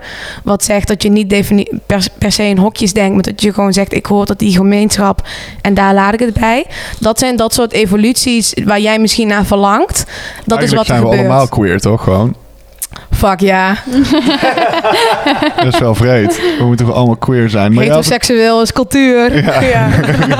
je had het net over eh, een, een non-binair. Maar het zijn dus ook gewoon... eh, er zijn dus ook gewoon mensen die gewoon eh, letterlijk de ene dag wakker worden... en gewoon denken, vandaag voel ik me vrouw. En de volgende dag wakker worden en denken, vandaag voel ik me gewoon man. Genderfluid heet dat. Hoe? Ja, die, die term is echt... eh, Ik vind dat echt heerlijk, want ik vind ook sowieso gender en sowieso waar je aangetrokken bent, ligt volgens mij sowieso allemaal op een spectrum. Dus ik vind Ja. dat heel fijn dat dat eigenlijk benoemd is. We, ook. we hadden het er net over. Het is eigenlijk heel interessant. Dat als je teruggaat in de geschiedenis en je kijkt naar de Romeinen en zo, dan zie je allemaal. eh, dan, dan weet je gewoon dat daar eh, mannen, vrouwen. eh, Er gebeurde veel meer. eh, Ja, in dan, Kindermisbruik. ja, kinderen inderdaad Jesus ook. was by. Ook niet altijd de juiste dingen. Ik wilde mij niet meer doen, maar dankjewel Evelien. En daarvoor zit ik hier toch? Ja, zeker weten. Maar, maar waar komt dan op dit moment dat je denkt, we zijn eh, eh, honderden duizenden jaren later. En waar, komt die, waar komt dit dan vandaan? Waarom is het nu in één keer weer ja, eigenlijk aan de orde van de dag? Ja, ja? Ja, geloof ik heb jij van, vanochtend het antwoord zelf al gegeven. ja, geloof. Mhm. Denk Mhm. ik een beetje. Ehm, nog, nog andere zaken dan geloof. Ik weet even niet hoe je het in het Nederlands zegt, maar de patriarchy. Patriarchaat. gewoon- Ja, dank je. Ja, dat, dat eh, ja, wil je het even uitleggen? Jij kan alles zo goed zeggen. Ja, nee, nee, doe jij maar gewoon. Doe jij maar gewoon. Je kan het zelf ook prima. het. You go girl. Meer, meer soort van vanuit eh, eh, hoe we de samenleving, hoe die nu is opgebouwd. Dat komt eigenlijk vanuit, eh, ja, grotendeels ook vanuit het geloof. Ehm, en dat de man daarin een dominantere positie heeft en mannelijke waarden en normen ook eh, eh, een, een dominantere positie heeft. En dat dus nog steeds, dat we dat effect nog steeds nu in deze samenleving voelen. Dus dat de samenleving zoals wij hem nu kennen eigenlijk is opgebouwd door witte eh, middle-aged men. Ehm, en dat dat natuurlijk eigenlijk heel achterhaald is ondertussen. Maar dat dat nog steeds in elk aspect van ons leven, ehm, dat we dat nog steeds voelen. En denk- dan wat ik bedoel? Ja, zeker weten. Zeker. Ja, nee, en, en, en denk je dat... eh, eh, eh, want eigenlijk aan de, ik, aan de ene kant zat ik net heel erg sterk te denken... dat ik dacht, eh, de, de podcast heeft natuurlijk ook bewustzijn. Ik heb het idee dat het wat dat betreft... ehm, als het over dit onderwerp gaat... en dan eigenlijk in de breedste zin van het woord... eigenlijk waar jullie je hard van maken... dat, er, dat het nog echt voor een heel, heel groot gedeelte... ontbreekt daarin aan bewustzijn, Ja, zeg maar dat denk ik ook. Ja. Omdat ik, ik, ik zei net zelf ook gewoon in de. En ik heb daar met Daan ook al eh, vaak over gehad toen eh, met de Black Lives Matter protesten. Dat ik als eerste eh, mezelf ook een soort van een beetje aangevallen voelde of zo. Dat ik dacht, ja, maar ik denk zo helemaal niet. En hoezo? eh, zij maken nu van mij een, eh, een, eh, eh, eh, een, een racist, weet je wel. Dat je dat bijna voelt van ik wil zo helemaal niet zijn. Ja. En dat het bij mij echt tijd nodig heeft gehad dat het begint ging landen. Dat ik dacht, oh ja, maar ik ben dus ook gewoon die blanke man van twee Ja, meter. ja. die Witte, gewoon witte man. Witte man? Oh, Ja. sorry. Ja. Oh. Hoef je, Ja, geen, dat- hoef je geen sorry voor te Nou zeggen. ja, ik, ik vind die dus ook. De, ik vind dat soort dingen dus ook lastig, omdat ik dan weer denk van ja, moet je een, een Aziat dan ook geel noemen, weet je wel? Dat vind ik, vind, voelt voor mij Ja, maar heel het erg. gaat erom dat blank is verzonnen door witte mensen. Dat blank Ja. gelijk staat aan zuiver en aan puur. Dus, Mhm. En eh, dat is helemaal niet erg dat je dat zegt. Dus je hoeft er ook geen sorry voor te zeggen. Maar het is wel heel belangrijk om te weten Ja, waar dat woord dus Ja, vandaan ja. komt. Oh, weet je wat ook heel interessant is? Dat de wereldkaart zoals we hem nu kennen, eh, de, de wereld is rond. Dat geloven de meeste mensen. Ja. Zeg maar de wereldkaart, hoe die nu is opgesteld. Flat Earthers. Is de wereld rond? Maar de wereldkaart zoals die nu opgesteld is, dus dat, dat het eh, Westen en Amerika en Rusland in het noorden staan. En wat in het noorden en, en bovenaan staan, wordt vaak geassocieerd met eh, krachtig en, en het beste. En dat Afrika en eh, die, dat continent eigenlijk onderaan staat, dat Ja. dat ook heel veelzeggend is. Want die wereldkaart is op een gegeven moment ook door een. Dus de een Australiërs zijn eigenlijk gewoon hele domme. Ja, die Hebben wij eigenlijk wel door dat wij heel ver langzaam afglijden van het, Ja, van het woord uit. feminisme? Ja, ja, maar het is wel goed omdat jullie Nee, juist niet. Het hoort er toch juist Ja. allemaal bij. Dat is ook wel weer zo. Ik, ik denk dat het juist heel mooi is, omdat het, eh, het is die, die verbinding en die... ehm, ik vond het mooi toen we het hadden over het vluchten en wanneer zoek je die grens op, dat ik dacht, ja, maar het gaat er als Els dat doet, omdat zij dus de bepaalde zachte vrouwelijke kant in zich heeft, omdat ze vrouw is, Mm. is het in één keer grappig en fijn. En eigenlijk wat jullie zeggen is, als mannen dat doen, Ja. doe dat dan ook vanuit die, Ja. dat, dat stukje in je. Ja, het lijkt alsof het een dubbele standaard is, maar ik denk dat het inderdaad, waar we het dan net over hadden, over die straatintimidatie, het, het, ik denk dat het, eh, het tekenende woord intimidatie inderdaad is. En dat inderdaad cis mannen zich minder snel en minder vaak geïntimideerd voelen op straat versus een vrouw of eh, eh, die minorities. Ook gewoon met een reden. Want we weten gewoon Ja. dat als we naar geweldpleging kijken... dat gewoon het allerovergrootste deel, meer dan 90% van de mensen die geweld plegen... dat is uiteindelijk gewoon een man. Ja, Kijk, en dan kan je, dat, dat is heel lastig, maar dat is ook heel vervelend. Want het is soms ook gewoon een bepaalde ziekte die soms in mannen zit. Tot geweld een heel snel, snelle omslag is die ze maken van frustratie dus naar geweld. En Ja. dat is ook niet fijn. Ik ken ook veel mannen die heel snel van frustratie in één keer naar geweld zijn Ja. gegaan. En daar zo van zijn geschrokken. Omdat dat zijn ze helemaal niet. maar dat heeft doen ze precies ook weer ermee te maken waar we het net over hadden, die toxic masculinity, is dat eh, mannen eh, niet leren van jongs af aan, waar vrouwen dat wel leren, om hun gevoel te uiten, dat huilen mag, Ja. dat al die dingen mogen. En dus slaat in, in plaats van eh, gevoelens hebben en dat uiten, slaat om inderdaad naar agressiviteit. Omdat je niet weet wat je ermee aan moet. En dat leren we ook mannen verkeerd aan, weet je wel. Dat gaat ook niet goed. Er wordt ook en als, als ik dan het op mag nemen voor de mannen, wat ik dus... Nou ja, oké, wat je, wat je dus... Je moet echt skippen met die van het opnemen voor de mannen. Want wij zijn er ook voor mannen. mannen. Ja. En jij staat ook voor vrouwen. Ja, wij zijn er ook. Maar om even de mannelijke kant te benoemen in deze. Bij mannen is dat vaak eh, geweld. Maar wat ik bij vrouwen dan weer best wel vaak merk... is ik merk ook dat heel veel vrouwen het ook heel moeilijk vinden... om zichzelf kwetsbaar op te stellen. Mhm. Eh, en daarnaast ook, eh, in plaats van dat ze dan misschien boos of agressief worden... bijvoorbeeld ook heel goed zijn in manipulatie. Of in, Mhm. weet je wel, gewoon dus echt gewoon vanuit een andere hoek... eigenlijk hetzelfde spel spelen, zeg maar. Ja. het ene is zichtbaar en het andere is minder zichtbaar. Ja, en ik denk bijvoorbeeld als we een stukje teruggaan bijvoorbeeld naar het feit van... oké, hoe zijn seksuele relaties tussen mannen en vrouwen dan bijvoorbeeld? Ik vind het nog steeds heel erg lastig. Ik, ik, ik, neem, ik noem mezelf echt een zeer uitgesproken feminist. Eh, nee zeggen op seksueel vlak vind ik nog steeds ontzettend lastig. En dat kan ik met eh, diverse partners kan ik dat op die manier hebben. Maar dat kan ik ook met mijn vriend hebben. En terwijl dat eigenlijk de persoon is die ik het meeste vertrouw. Ehm, dus d- dit zijn ook dingen die, die zitten zo diep in Ja. vrouwen. Dat, ik had het graag dat het anders was, maar dat is helaas niet zo. En wat bedoel je met nee zeggen? Ehm, Ik heb geen zin eh, vanavond. Of eh, er gebeurt nu iets in bed wat ik niet prettig vind. Of ja, gewoon, het voelt niet fijn. Ik denk dat ik, het, voelt niet, het voelt niet fijn. En dan dat dus aangeven dat dat wat een man initieert, dat dus iets is wat ik moet gaan afkappen. Ja, want dat, Dat is wat we vanuit moeilijk. vroeger hebben aangeleerd. Dat wij als vrouw zijn heel vaak moeten het, het lieve, de lieve Ja. persoon moeten zijn. Degene eh, die om gevoelens heen danst en het, de ander, ander moeten pleasen. Ik denk dat we Ja. als vrouw zijn, en dat, dat is natuurlijk heel eh, generally speaking. Hè. Dit is niet dat het voor iedereen zo is. Maar dat je als vrouw zijn meer de rol aangemeten krijgt van het lief zijn en het moeten pleasen. Ja, die dus we mate hebben nooit empathie. ja, en we wel. hebben nooit Ja. geleerd om nee te zeggen. En dat is gewoon dat is een Mhm. vaardigheid. En dat is voor mannen kan dat 100% ook zo zijn natuurlijk. Maar nee zeggen is, is een vaardigheid en die leer je als vrouw zijnde vaak niet in nature, weet je wel. Dus Ja, en dat is ook heel, goed- heel moeilijk dus voor mannen. Dus Ja, hoe voel je dit soort dingen aan? Ja. En ehm, je moet zeer sterk kunnen communiceren. Wil je dit soort situaties kunnen vermijden? Dus daarin, eh, ik noem het altijd vaak, het is een soort van virus. Eh, dit, dus het patriarchaat Ja. is een soort van virus. En ook dit, soort- bijvoorbeeld, hoe kijken we naar consent? Eh, dat, dat zit heel erg in vrouwen. Dat zit in Consent even. eh, consent is toestemming in Ja. het Nederlands. Dus toestemming van, oké, jij mag met mij zijn, je mag mij aanraken. Ehm, ja, het is ook heel erg logisch. Want als je naar een hetero-relatie gaat kijken, dan is het ook dat een man komt in een vrouw. En die, dus die gaat letterlijk met zijn lichaam in een vrouw. Tegenwoordig komen vrouwen ook al eens over mannen heen. Hoor. Ja, dat, Ben je nou feminist of niet? Kom maar op. ik voel dat hier een anekdote achter ligt. Die niet gepast is voor hier. We kunnen Nee, ook wel maar een keer ik- een sekspodcast Wat heb jij dit weekend gedaan? Nee, ja, maar ik, ik, ik haakte heel erg aan ook op het stukje seks. Omdat ik ook gewoon af en toe schrik hoe, eh, eh, hoe bekrompen dat nog heel erg is bij mannen ook. Dat het echt gewoon eh, eh, eh, eh, draait om ik ga rammen en ik kom klaar en dan is de seks voorbij, zeg maar. En Ja, waarom denk je dat vrouwen zo getraumatiseerd zijn? Als iemand mij op die manier aan het pompen is... en er is geen eens een moment überhaupt... als ik al sterk genoeg ben überhaupt om te zeggen... nee, dit vind ik niet zo fijn... dat ik überhaupt de snelheid van dat pompen helemaal niet aan kan... omdat het dan in één keer al is gebeurd. Omdat het fucking snel dan ook voorbij is. Ja, dat... Natuurlijk zorgt dat wel voor een sneetje, zeg maar... op, Ja. op, op je emotionele Schade. Dat, dat, dat is gewoon heel erg kut. Maar dat, dat, dat je ook gewoon wordt geleerd... ja, goed... eh, je moet ook geen, geen porno kijken. Dat is ook gewoon fucking kut. Ja, dat is heel fout. Maar ik, ik, dus ik heb, mannen thuis, eerst moet de vrouw twee, drie keer klaarkomen en dan mag jij. ja. dat is de maatstaf. Nee, maar ik vind het ook heel interessant als je vanuit een... Ik heb ook veel vrienden met wie ik het hierover heb. En dan eh, eh, vanuit een mannenperspectief... want vrouwen durven vaak geen nee te zeggen. Maar hoe weet je dan als man zijnde... wanneer je het wel goed doet, niet goed doet? Weet je wel, die, dat stukje communicatie aan zich in de seks...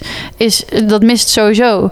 Weet je wel, ik heb het vaak met vrienden over relaties en vertrouwen en, en ook connect- communicatie. connectie maken tijdens de seks is het ook heel ja, erg. Ja, Ik, ik, ik, Ja. ik, heb, nou wordt het heel persoonlijk. Maar ik merk dat ik eh, ook veel meer connectie maak. Dus als ik vrij, dus dat je elkaar aankijkt. En dat ik dus ook al eens heb gemerkt, gewoon dat ik met vrouwen, dat, dat die gewoon heel tijd wegkijken. Dat ik zei, hoezo eh, eh, connect je niet? Ja. Weet je wel? Maar dat dat dus gewoon... te intiem is Er zijn bijna. heel veel mensen die zijn 50 jaar oud en die hebben elkaar nog nooit aangekeken tijdens de seks. Ja. Weet je wel? Dus die, dat, ja, dat is best wel bizar wat daar dan gebeurt in bed of zo. Hoe afstandelijk dat ergens is. Ja, ja, ik wilde net zeggen, zeg maar, in de relatie zijn we nu allemaal zo bezig met, oké, de, de basis voor een relatie is het communiceren en vertrouwen, dat moet een basis zijn. Maar zodra het over seks gaat, mensen die al tien jaar bij elkaar zijn, vinden het nog steeds zo moeilijk om over seks te praten. En dat is, is eigenlijk zorgwekkend, want seks is net zo goed een onderdeel van een relatie als vertrouwen uiteindelijk iets is waar je aan moet werken en om dichter bij elkaar te komen. En mensen verwachten dat net als in de film, dat de seks gewoon een ding is wat werkt. Terwijl daar moet je soms heel veel moeite voor doen voordat het werkt, voordat het goed loopt. En dan moet je over communiceren. En ik denk dat daar nog heel veel taboe en heel veel onbegrip over zit. Want dat, we weten het ook niet. We, het is heel moeilijk om dat aan te leren, weet je wel. Dus ja, Ja, meer gesprekken over hebben uiteindelijk. ja, maar dat, je, dat- je hebt daar geen voorbeeld in. Want je kan niet met je ouders, vanuit je ouders, zeg maar, eh, bedenken: oké, ja, via hun heb ik over seks geleerd. Ja, dat is heel moeilijk natuurlijk. Ja, en ik denk dat het ook nog wel eens goed is om rekening mee te houden. Dus als je kijkt naar eh, de eh, moeders die onze generatie hebben opgevoed. Dat is eigenlijk een, generatie die ook veel meer met seksueel misbruik te maken heeft gehad dan onze generatie. Dat was een tijdsperiode in ieder geval van zeg maar, de, oude, de leeftijd waarin mijn ouders zitten. Dat was de hippie-tijd. Dan moest in één keer ook alles normaal zijn. Dus dan was in één keer ook ehm, seks hebben met minderjarige mensen was toen ook in één keer normaal. Dus daarin, eh, door wie je wordt opgevoed en wat voor relaties daarin zitten, zijn ook heel erg bepalend. En dan, ik, ik weet daar helaas niet zoveel over, over mannen, maar ik weet dat wel dat op die manier met vrouwen is. Dat heel veel vrouwen dus ja, ook worden opgevoed door, mensen, door vrouwen die ervaring hebben gehad met seksueel misbruik. Ja, En dat dat een hele andere relatie geeft hoe je jezelf naar je seksuele leven ja, kijkt. ja. Dus zo is het, daarom is het zo belangrijk om de, om de geschiedenis te kennen van dit soort situaties. Waarom het zo goed is om te weten zeg maar, op, op wat voor manier vrouwen onder druk zijn, maar ook op wat voor manier mannen dus bijvoorbeeld onder druk zijn. Want mannen zijn ook wezens die in een bepaalde manier verlost moeten worden van bepaalde dingen. ja. Ehm, die ook wel met- ja, die ook meer verdienen. Dat is eigenlijk ook het zie. Ik vind dat mannen ook meer verdienen ja. dan hoe ze zich soms nu moeten voordragen. verdienen sowieso al meer dan ons, dus wat dat betreft. Padoempatsch. Nou ja, ja, ja, ja, Dat was het einde. Ja, dat was het einde. Oké, dit was het dan, bewustzijn. Nee. Ja, je, je zei net al mooi, maar inderdaad in de generatie denk ik van onze ouders, zeg maar, dan heb ik het denk ik over de leeftijdscategorie 50 tot 70 of zo. Ik merk ook dat die vrouwen uit die generatie ook nog meer moeite hebben om zichzelf eh, te laten zien of om die gelijkwaardigheid echt te ervaren. Sterker nog, je ziet daar ook gewoon standaard een soort van vaak een ongelijkwaardigheid in die relaties of zo. En daar zijn wij natuurlijk ook als voorbeeld mee opgevoed. En dat, dat wij nu de nieuwe generatie zijn waarin ik hopelijk, in ieder geval wij dan, eh, wat meer gelijkwaardigheid ook aan je kinderen daarin. Ja, ik denk dat er ook nog niet zoveel bewustzijn eh, voor was. En dat is ook niet erg. Ik, bedoel, ik ben ook opgevoed in een huis waar het heel erg duidelijk de zoons en de dochter eh, was. En ik denk niet dat dat ehm, eh, iets is wat eh, op die manier bedoeld is. Maar dat is gewoon aangeleerd. En daar is niet zoveel bewustzijn voor geweest dat hoe de manier hoe we het aan hebben geleerd, dat dat misschien implicaties kan hebben, weet je wel. En ik denk dat dat inderdaad ook weer begint en eindigt met educatie. Ja. Maar Ja? ik, ik, ben, ik ben nog steeds wel gewoon heel erg nieuwsgierig. Zeg maar, hoe kijken jullie dan als mannen naar feminisme? Zeg maar, wat denk je wat het nog voor mannen kan opleveren?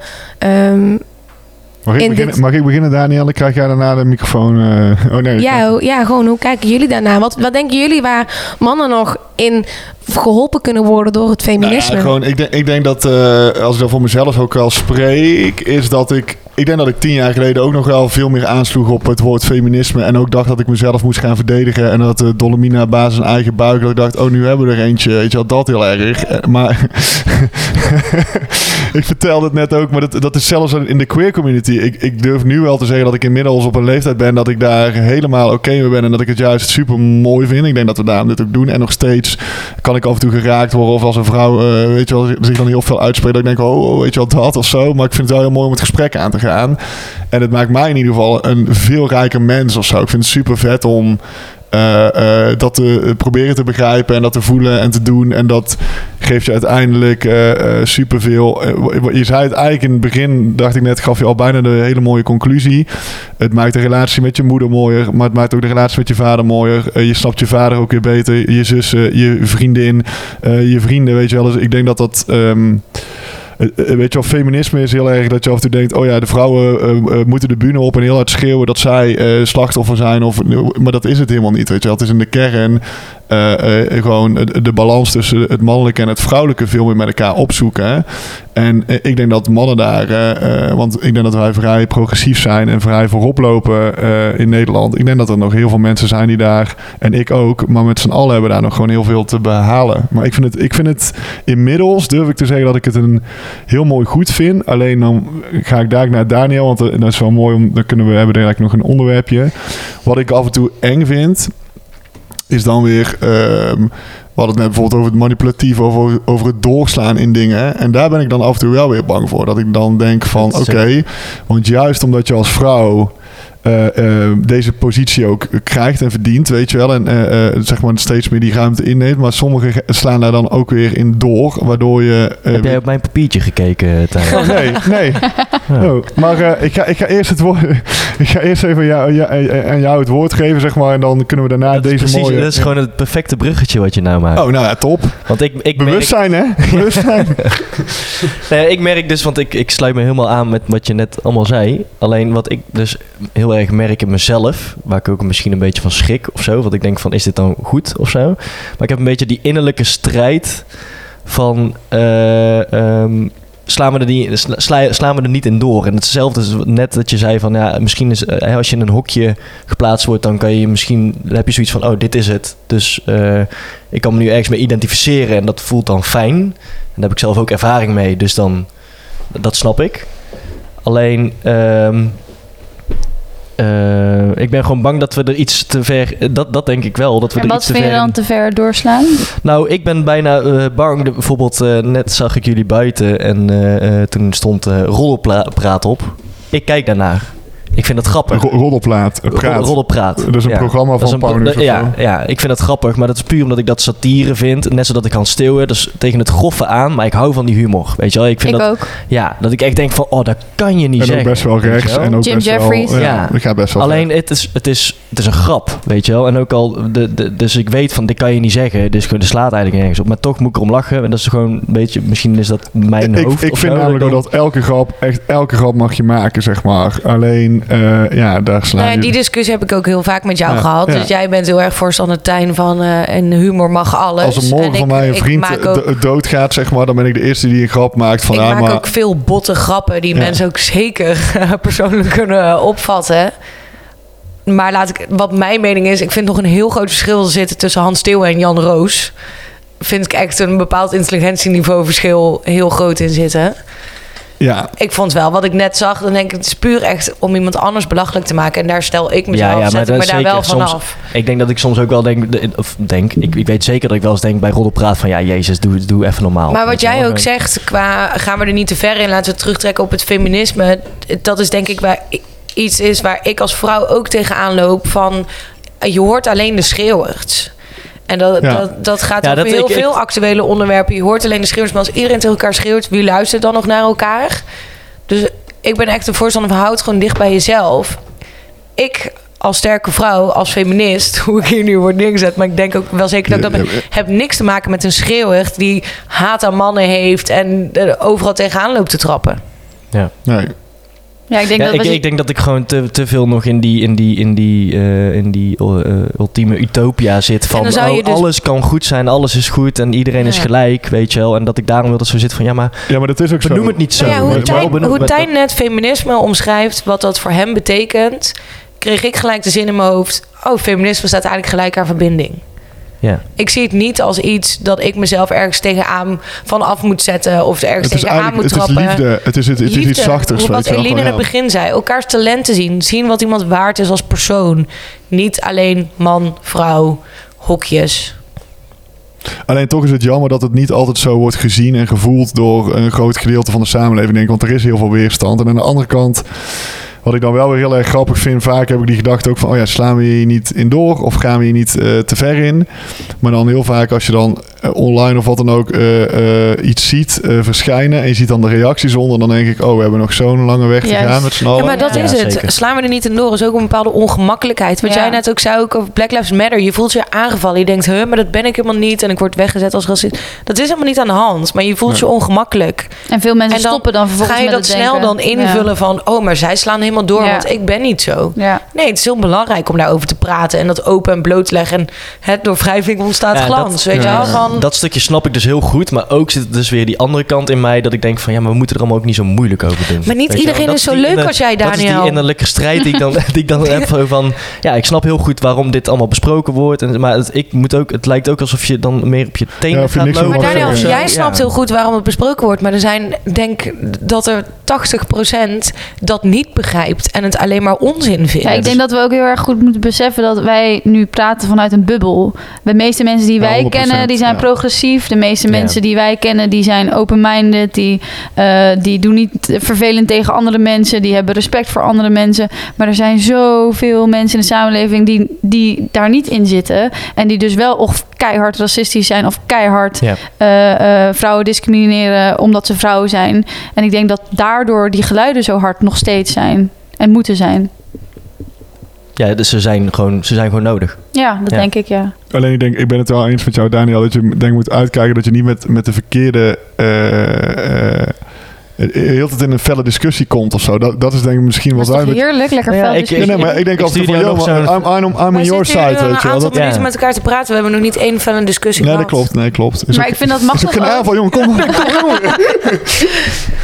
Ja, ik vind dat het juist wel gewoon mag. Nee, maar net, net, net hadden we het over eh, de agressie. Dat mannen dus, dat toen werd er gezegd, mannen die zullen misschien sneller agressief reageren. Maar ik ken een hoop dames die dat ook kunnen. Ja. Dus die ook in de agressie schieten Ja. of zo. Je Ja. hebt- ik denk dat je heel vaak emoties hebt hè, waar je naartoe gaat. Dus je gaat of huilen, of Ja. je gaat eh, eh, vluchten, of Ja. je gaat schreeuwen, Ja. of weet ik veel.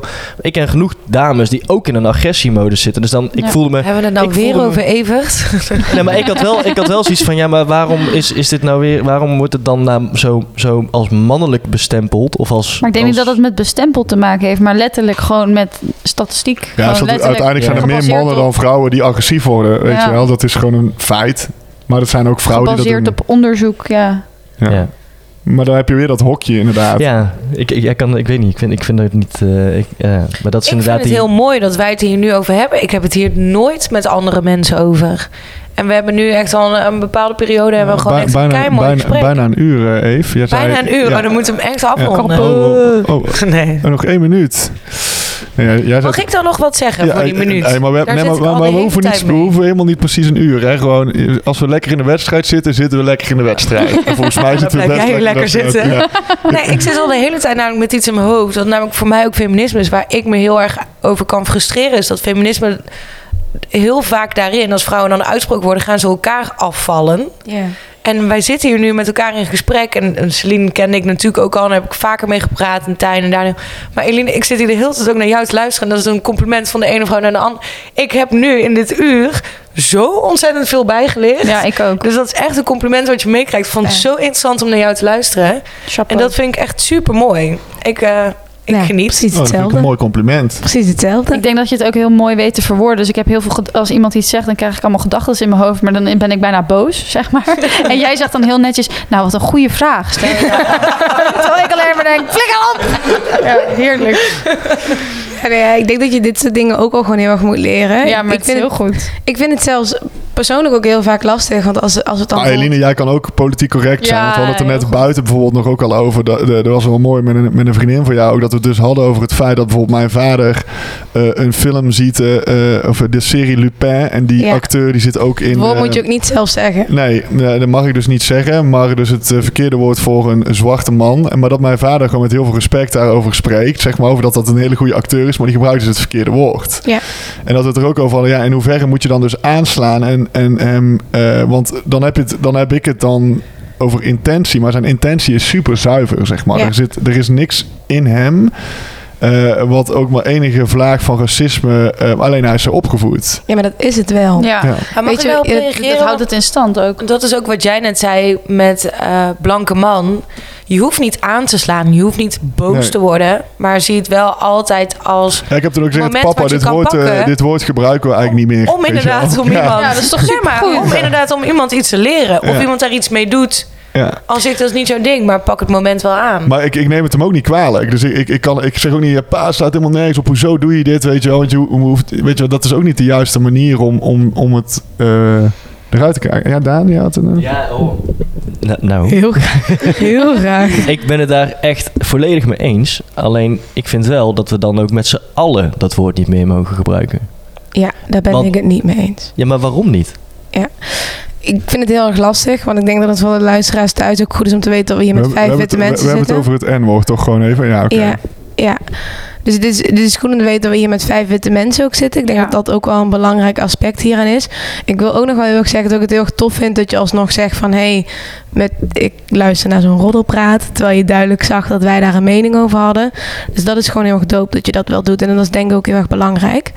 Ehm, het is gewoon soms heel erg lastig, want als ik naar jullie luister, voel ik toch ook wel een bepaalde luxe positie. En ik, ik voel heel sterk dat jullie... Zit soms met z'n drieën ja knikkend zo aan te kijken. Ja. Ja, maar weet je wat het is? Ik, ik, durf voel, het niet te zeggen. ik voel dat jullie intenties zeg maar heel erg puur zijn en eh, dat daar geen kwaad in zit.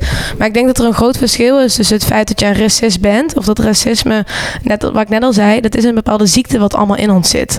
Ik ben, in mij zit ook racisme. Juist. En eh, dat je een racist bent, maakt niet meteen dat je ook een slecht mens bent. Nee. Want racisme is iets wat jaren in onze samenleving heeft gezeten en wat er nu nog ook nog in is. Dus als, als ik dat zeg, dat mag je niet meer zeggen, want dat is ongepast. Dan wil ik daarmee bedoelen dat ik graag met z'n allen wil dat we graag wat willen leren. Ehm, en dat probeer je natuurlijk op de best mogelijke manier te doen. Dus ook om nog terug te komen op het, stukje politieke correctheid.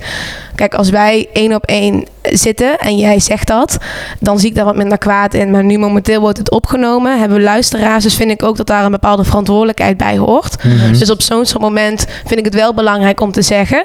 Ook al probeer ik op de meest goede manier. Ja, dat, fijn dat je gewoon eh dat de mij ervoor hebt behoed dat ik het woord uitsprak. Ja, nou ja, ja maar dat, ik denk dat dat een beetje het verschil is. En om terug te komen op, het, op jouw vraag. Dus waarom mag je het N-woord niet zeggen? Dit is een beetje, dit is een Nee, nee, geuze. nee, nee, nee, waarom mag eh, Ja, waarom- een oh ja, sorry. iemand het wel Ja, gebruiken? ja dit is een, eh, dit is een geuze, een, een geuzennaam aspect. Dus om het misschien concreter te maken, we hebben de Ajaxiden, dat zijn de Joden. Van oorsprong, van oorsprong komt dat omdat Ajax een club was waar heel veel Joodse mensen bij zaten. Na de Tweede Wereldoorlog was het helaas significant minder. Ook niet Joden. Eh, maar daardoor is het, het feit dat Ajaxiden zichzelf Joden noemen, dat is een geuzennaam geworden. Wat betekent dat je iets wat eigenlijk een negatieve connotatie is, dat je dat tot je neemt. En dat je daar iets positiefs van maakt om trots op te zijn. En dat dat eigenlijk een vorm van protest is tegen hoe mensen jou neerzetten als een persoon die minder is. Dit zien we bijvoorbeeld ook met het woord queer. Queer is van oorsprong ook een scheldwoord. eh, wat uiteindelijk ook is opgenomen tot iets waar je trots op kan zijn. Ik ben queer. En dit is hetzelfde met het N-woord. Dat was uiteindelijk iets om mensen dus minder te maken en duidelijk te maken van jij bent een slaaf. En dat hebben mensen uiteindelijk in, hun- in hun cultuur opgenomen. En zo, gaan ownen gewoon van ja, it, en zo is heel veel dingen die in de zwarte cultuur plaatsvinden. Dat zijn uiteindelijk dingen geweest die hele negatieve associaties hebben. Wat hun tot hun cultuur hebben genomen. Net zoals bijvoorbeeld de manier waarop heel veel vrouwen hun haren vlechten. Ik ken de officiële benamingen daar niet van. Maar dat was namelijk omdat op zondag was de enige dag gedurende de slavernij tot mensen hun haren netjes mochten doen. En omdat veel zwarte mensen moeilijkere haren hebben wat betreft producten, tot daar meer in moet zitten zeg maar, om het op een bepaalde manier te creëren, was het enige wat ze konden doen was bepaalde vlechtjes maken, waardoor ze toch netjes voor de dag konden komen in de kerk, omdat het de enige dag was dat ze in de kerk konden zitten. En op die manier is dus de, de vlechtcultuur die er in de zwarte gemeenschap zit, is ontstaan en zijn ze daar trots op. Eh, maar dat komt vanuit een verleden van verdriet en van pijn en van dood en bederf. Eh, dus daarom is dat heel erg beladen. Ik zag laatst bijvoorbeeld ook volgens mij een filmpje voorbij komen van een eh, wit meisje die dat ook had gedaan. En daar Ja. was dan weer heel veel, er was een influencer of zo en die had Ja. dan weer heel veel kritiek gekregen. Dan krijgen we cultural appropriation. Ja, ja dit, en dit, ik denk dat dit hele moeilijke... Dit Ja, soort thema's vinden lastig. Daniel en ik heel lastig. Ja, dat snap Dat ik. zijn hele lastige thema's. Dat snap ik heel goed. En ik, ik zou ook eigenlijk zeggen... Als, dat- als mijn witte dochter Dat dat zou doen, dan zou dat podcast. vinden. Ja, ja, maar, ja, maar ja, serieus. Ja. Maar dat zijn, ik vind het dus, dit is heel Maar er is een groot verschil tussen cultural appropriation en appreciation. Want als je dan weet wat erachter zit en daar dan respect en ook wetenschap van hebt überhaupt, dan maakt dat al een heel groot verschil, maar verklaar, dat je, eh, verklaar dat je vraag wat meer. Zeg maar, begrijp je, denk je nu wat meer? Daar gaat het natuurlijk om.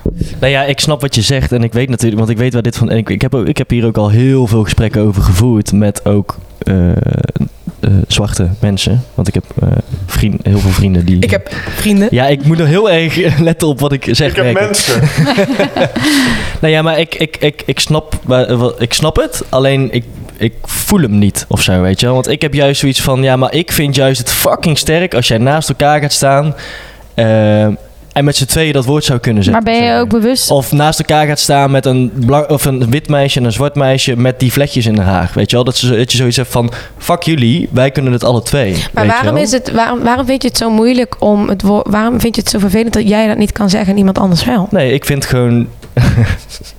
Oh. Ik vind het niet... Nou, omdat ik vind dat je dan, dat je dan mensen dingen gaat verbieden die, die, die gewoon... Ja, waar- waarom zou je dat doen, weet je? Dat, dat- als, als, Oké, als, je het- als het echt niet een tof iets is om te zeggen... dan moeten we dat met z'n allen niet meer gaan doen. Maar dat is het toch Dat zo? Of dat zie jij dan op die manier niet? Of, of ik, Nee, want, ik, want er zijn nog steeds mensen die het zeggen. Maar Ja. dat, Maar ik, ik, ik, ik, ik, eh, ik volg wel een beetje wat Daniel ook al zei. Ik, namelijk het N-woord. Ik vind dat dus ook super vreed om juist zo de brotherhood met elkaar gewoon... eh, eh, weet je wel, ik heb ook zwarte vrienden waar ik dat dus tegen zeg. En dat het Ja. gewoon vreed is, want er zijn we maten, weet je wel. En, en wat ik ook net zei, ik, ik snap het. Alleen eh, wat ik, stel dat mijn, mijn zusjes, die hadden vroeger ook altijd van die vlekjes, want vonden ze super cool en daarna hadden ze rafelhaar, weet Ja. je wel. Stel dat mijn dochtertje dat wil als ze zes is en die stuurt mijn, Ja. mijn moeder, weet je wel, en die wordt daardoor aangevallen. Dat zou ik echt het allerergste vinden wat er is. Omdat ik ben het eigenlijk helemaal met Daniel eens. Je zoekt juist toenadering en begrip en gelijkwaardigheid door dat te doen. Er zit nul gedachte achter. Alleen dat, een, dat een, een, een, een wit meisje dan cool vindt Maar- om die vlekjes te hebben. Sorry, maar ik, dat heb ik nu de hele tijd al. Ik zeg maar, ik snap helemaal wat je bedoelt. Want Heb uiteindelijk... jij vroeger vlekjes gehad?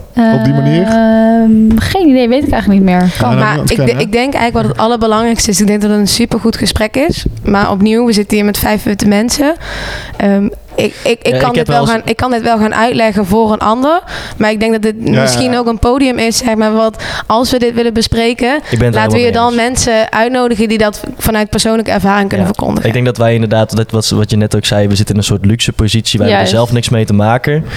Dus kunnen we er eigenlijk ook niks over zeggen. Wij kunnen niet alleen maar zeggen wat wij ervan vinden. En, Ja. eh, dat, Maar dat heb ik, wat, wat jij net ook zei, van ik wil graag niet in hokjes denken, want ik wil open-minded zijn en ik wil juist dat iedereen wordt gezien als mens. En dat is super mooi en ik snap helemaal, ik snap echt helemaal die gedachtegang. Maar je moet ook beseffen dat die gedachtegang vanuit jou komt, vanuit jouw positie als witte, privileged man. Dat, daar, daar komt die positie van. Je hebt de luxe om te zeggen: ik wil geen hokjes zien. Als jij, als jij een minority bent, dan kan je snakken juist naar zo'n hokje, eh, omdat je dan geïdentificeerd wordt. Dus dat, je moet je, ik denk, je heel Ja, erg maar ik bewust vind van dus, zijn. eh, ik snap, ik snap dit wat je zegt, alleen ik vind het dus dat je dus mensen nu white privilege en minorities noemt, dat vind ik dus al zeg maar niet chill. Ja, maar, zeg Ja, maar, jij, maar jij kan dat vanuit jouw positie niet chill vinden. Maar dan heb je geen eh, begrip in, in, in maar als we daar gewoon mee ophouden, dan ben je toch veel sneller van dat probleem af, denk ik.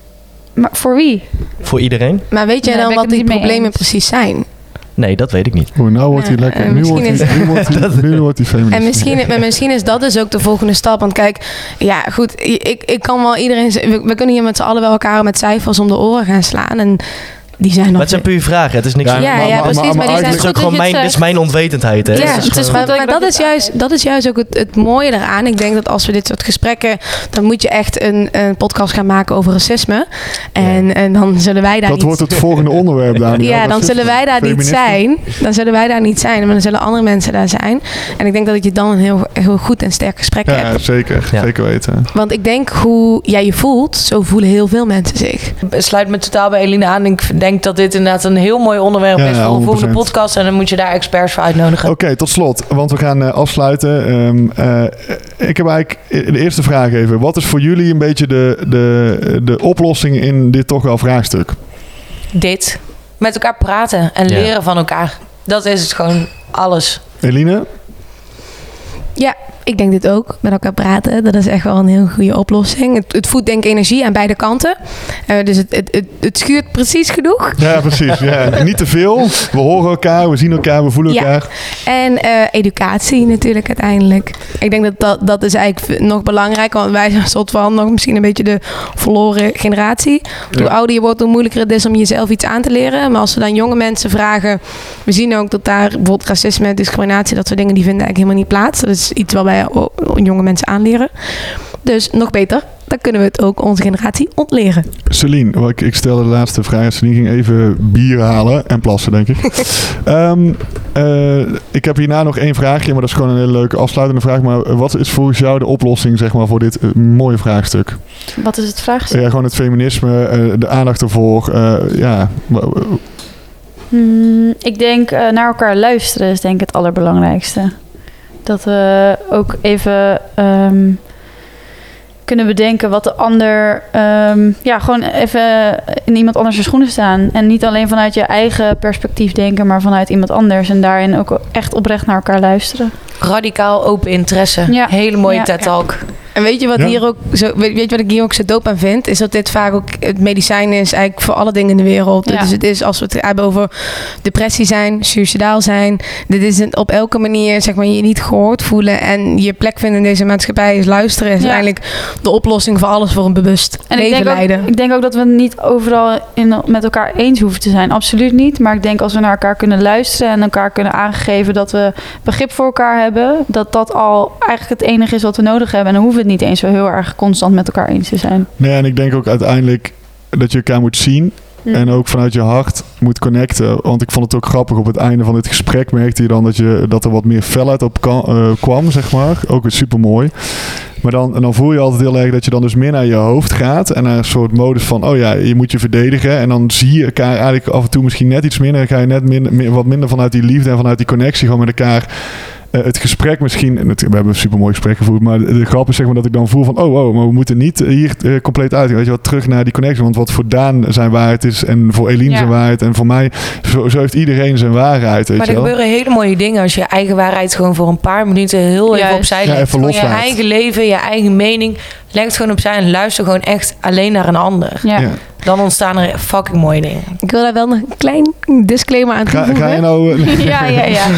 Ja, want ik, we hadden het net bijvoorbeeld ook over, hoorde ik een paar keer van, ja, oké, de schreeuwende mensen, ja, nee, dat zijn we het allemaal niet mee eens. Maar ik denk dat we ook goed moeten begrijpen dat als we kijken naar de geschiedenis, dat de mensen die uiteindelijk het hardst hebben geschreeuwd voor dingen, dat zijn wel de mensen geweest die ze hebben gepioneerd op het feit dat de samenleving is hoe die nu is. Juist. Dus het is ook soms heel makkelijk om gewoon in, in, de, in Ja. de liefde, in de connectie, in het goede gesprek te zijn. En het soms niet te zeggen waar het echt op staat. Ehm, want dat brengt ons ook heel ver. Dus ik wil daarin ook een kleine shout-out brengen aan de mensen die wel durven te schreeuwen.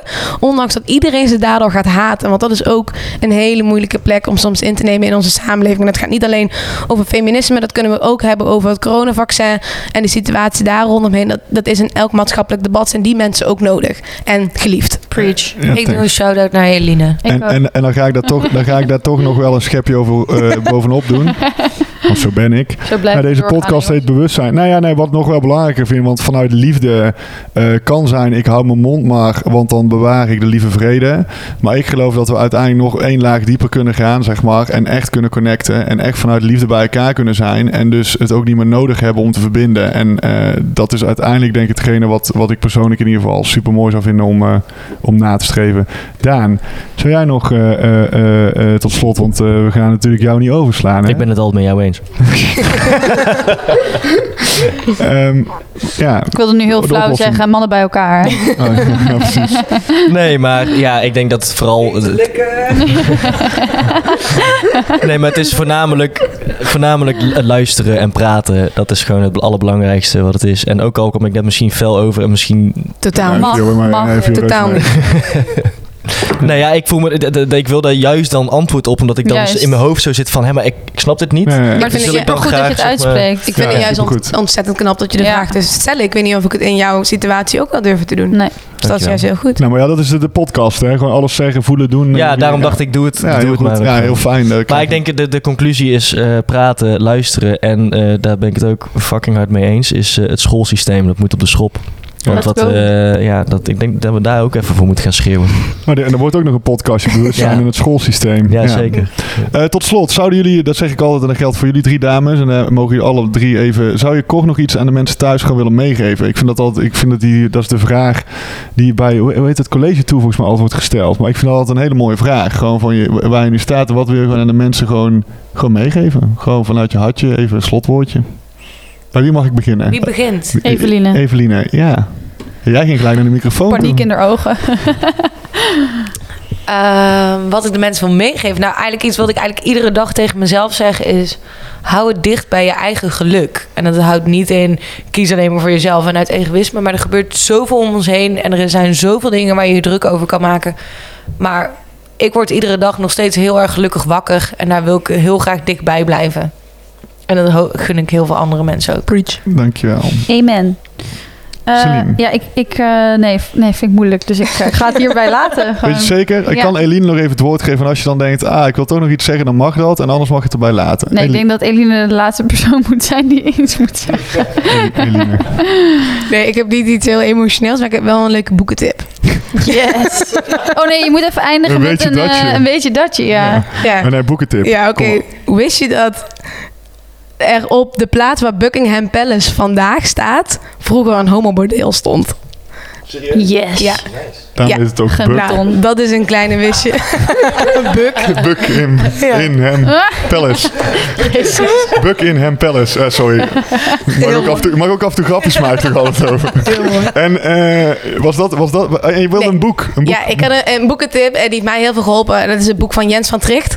En dat is een, een, een mannen-emancipator. Jens en van Tricht. Jens ja. van Tricht. En hoe heet het boek? Eh, waarom feminisme goed is voor mannen. Kijk, Leuk. nou mannen die dit luisteren, drie denk ik, ga het luisteren, ga het lezen. Eh, dames, ik wil jullie echt eh, super eh, hartelijk bedanken voor dit hele mooie, open, fijne gesprek. En, en jij natuurlijk ook Daniel voor geweldige sidekick, kritische vragen, mooie vragen. Dit was eh, bewust zijn en niet eh, zweven maar leven over eh, feminisme. En eh, we gaan het snel weer doen. Ja, muziekje hè? Dankjewel. Dankjewel, jongen. Yo. Dankjewel. You know how I feel.